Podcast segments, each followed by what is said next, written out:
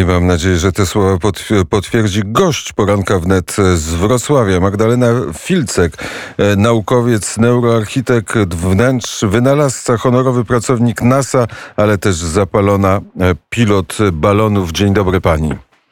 Dzień dobry panu.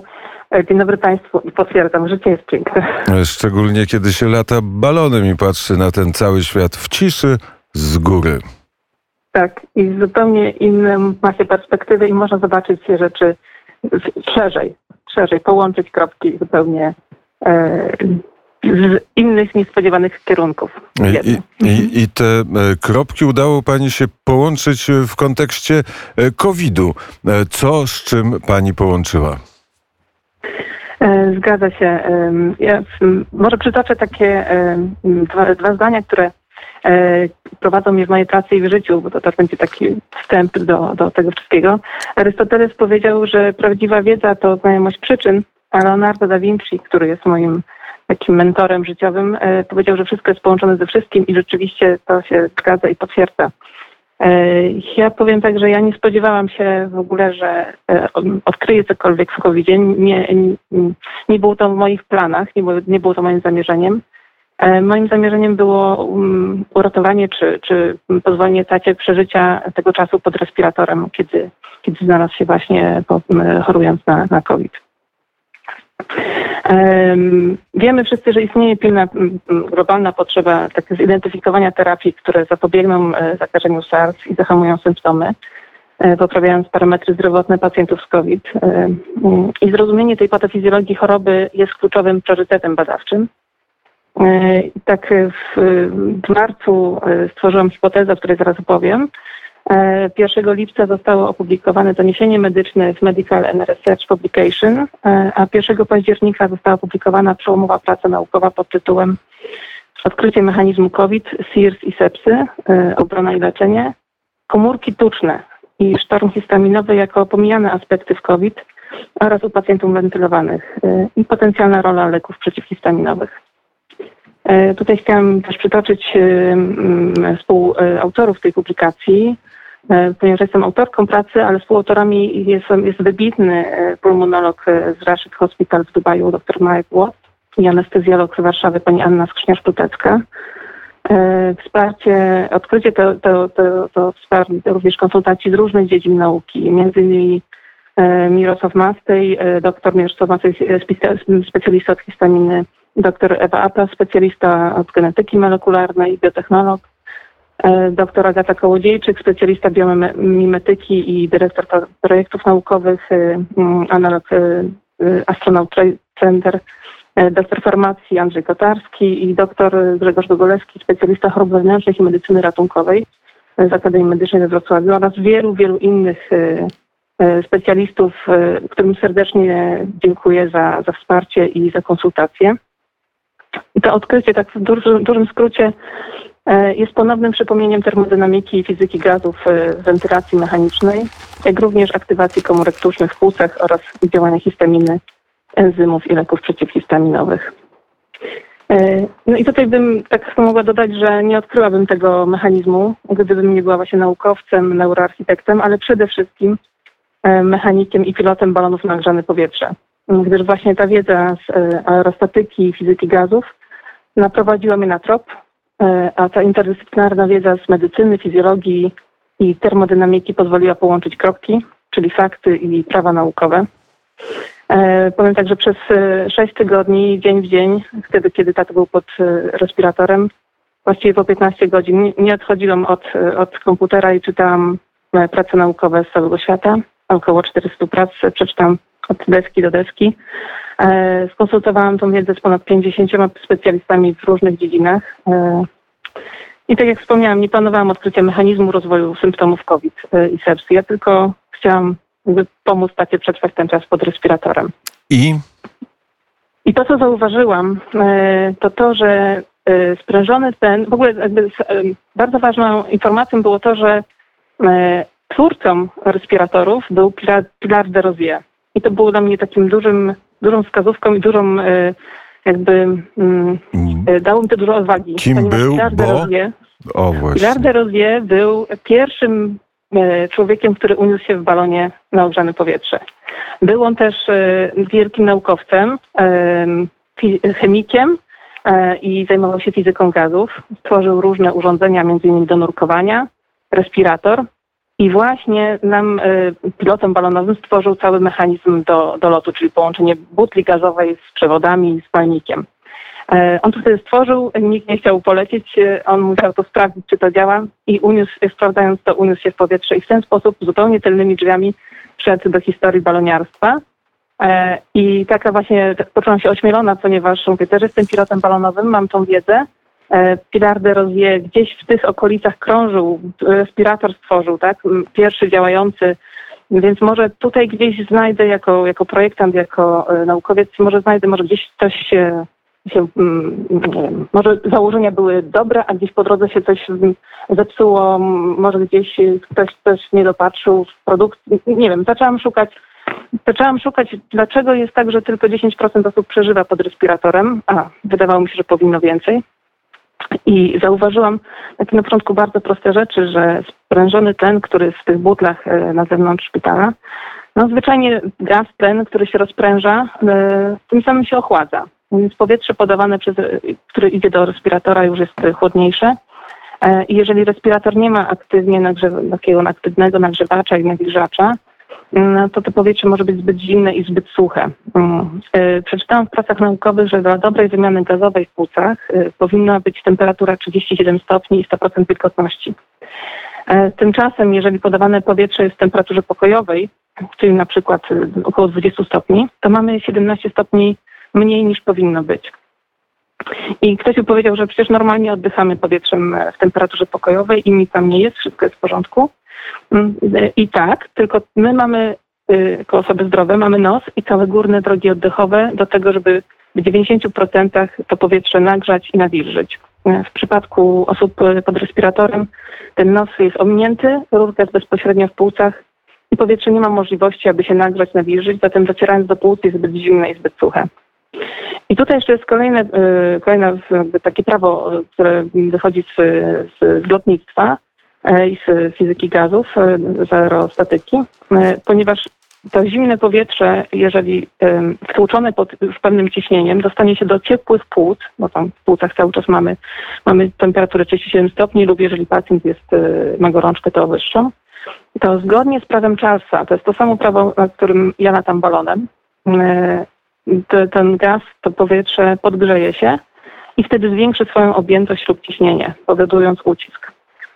I teraz najważniejsza rzecz, i właściwie ty- tyle chciałam, jakby tyle, tyle odkryłam na początku i potem się zaczęłam zastanawiać, y, co się dzieje z płucami, jeżeli to zimne powietrze wchodzi do płuc, y, czy jakiś, jak, w jaki sposób te płuca odbierają to zimno i ten ucisk.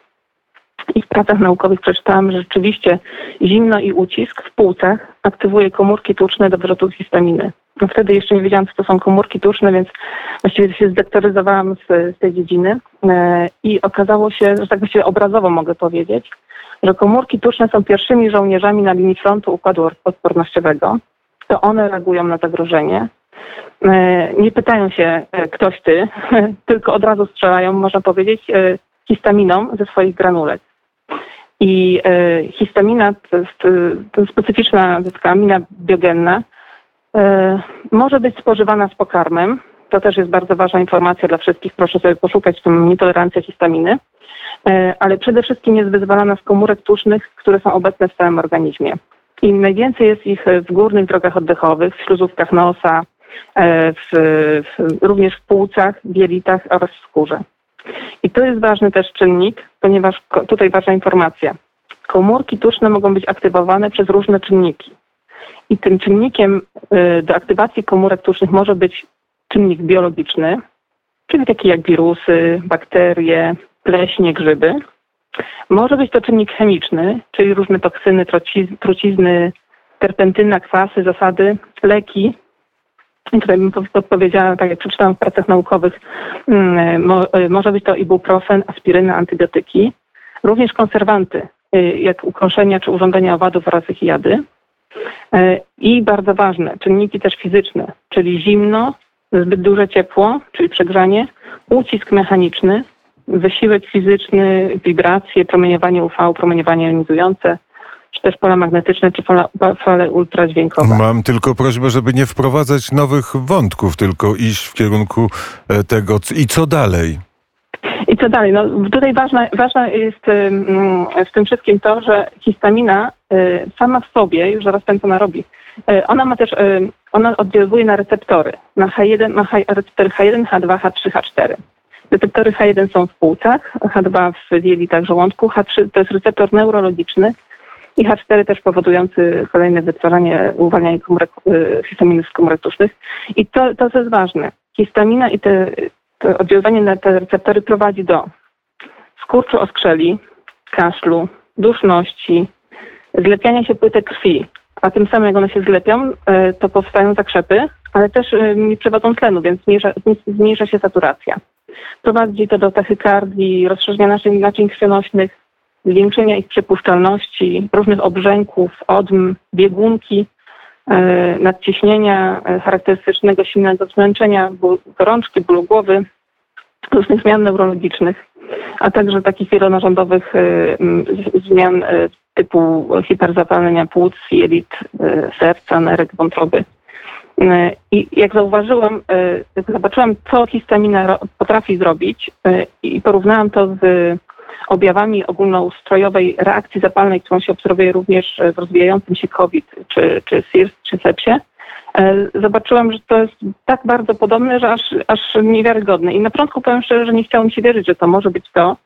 I, I sama wykluczałam to wiele, spróbowałam to wykluczyć wiele razy, krytykując to, że to jednak musi być coś bardziej skomplikowanego, ale za każdym razem docierałam e, do, e, do tego, że jednak e, Wygląda na to, że objawy COVID i sepsy są bardzo podobne do objawów wys- wysokiej nietolerancji histaminy i może to być spowodowane właśnie tym mechanizmem burzy histaminowej. E, To też czasami ktoś się pyta, dlaczego niektórzy przechodzą e, covid łagodniej, niektórzy bardzo, e, bardzo, bardzo gwałtownie. Tutaj też być, może z odpowiedzią może przyjść enzym DAO, ponieważ w naszym organizmie mamy takie dwa enzymy, które neutralizują histaminę. Jednym z nich jest enzym DAO, który jest w jelitach i jeżeli mamy go za mało, ponieważ nie wiem, braliśmy antybiotykoterapię, czy, czy są różne inne leki, czy, czy sytuacje, w których y, ten enzym e, nie wytwarza się lub, lub mamy na przykład uszkodzony gen, który go e, koduje, to wtedy mamy tego enzymu za mało i wtedy ta histamina się, można powiedzieć, że rozlewa po organizmie i robi tą burzę spróbujmy podsumować. Gdyby e, tlen przez respirator był wprowadzany nie w temperaturze pokojowej 20 stopni Celsjusza, tylko w temperaturze e, 37 stopni Celsjusza, e, wtedy e, te komórki tuczne, żołnierze nie wychodziliby na front, nie, było tej, nie byłoby e, e, dalszych e, reakcji, które były negatywne dla organizmu, tak? Myślę, że tak, tak mogłoby być. Jakby to, na to potrzebne są oczywiście dalsze badania kliniczne, żeby to wszystko posprawdzać, ale z teorii, z prac naukowych, które przeczytałam, które się opierają na badaniach klinicznych, tak wygląda. I teraz Tak wygląda. I teraz co? Musiałby być. e, Na szczęście COVID się już kończy, więc e, mamy nadzieję, że te respi- respiratory e, trafią do magazynów, te covidowe respiratory, albo będą służyć przy innych chorobach, to wszystko jedno. Natomiast musiałby się zdarzyć ktoś odważny, kto by przeprowadził taki eksperyment, tak to można nazwać, na żywym organizmie. Myślę, że jakby, bo jak rozmawiałam z producentami e, respiratorów, okazuje się, że respiratory jakby nie mają tych pokręteł na temperaturę i nawilżanie. E, Znaczy one mają, ale są używane tylko dla niemowlaków. To tak. Dla dorosłych niekoniecznie i można dokupić takie nasadki, dodatkowe urządzenia, które aktywnie podgrzewają e, powietrze i nawilżają, bo są, jest Heat Moisture Exchanger i jest Heat Humidifier. Czyli ważny jest nie pasywny, tylko aktywny ten pod- podgrzewacz na respiratorach. I wtedy może nie dochodziłoby właśnie do tego rozprężenia dodatkowego, które jest niewidoczne, bo ono się tworzy w płucach, y, to, to według prawa Charlesa. I y, no, taka hipoteza, że rzeczywiście to by pomogło y, nie tylko pacjentom z covidowym, ale również przy, przy operacjach na ojomie osób, pacjentom, którzy, którzy pod, są podłączeni pod respirator. Będziemy, e, będziemy, będziemy dalej obserwować, a już e, pozostaniemy w kontakcie. Gdy przyjedziemy do Wrocławia, będzie czas na dłuższą rozmowę, jeżeli pani będzie miała oczywiście ochotę. Dziękuję ślicznie i zapraszam. Zapraszam serdecznie. E, Do, do wycieczki balonem?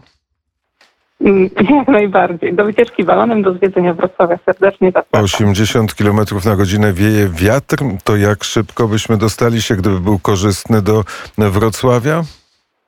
Nie, nie wiem, czy, czy wystarczyłoby by gazu na taką długą, e, na taki długi lot, ponieważ mniej więcej jak mamy cztery butle w koszu i powiedzmy dwie, trzy osoby, to taki lot jest około półtora godziny do dwóch godzin maksymalnie. E, Gazem, I, le- I lecimy, tak, lecimy, lecimy Ga- z wiatrem.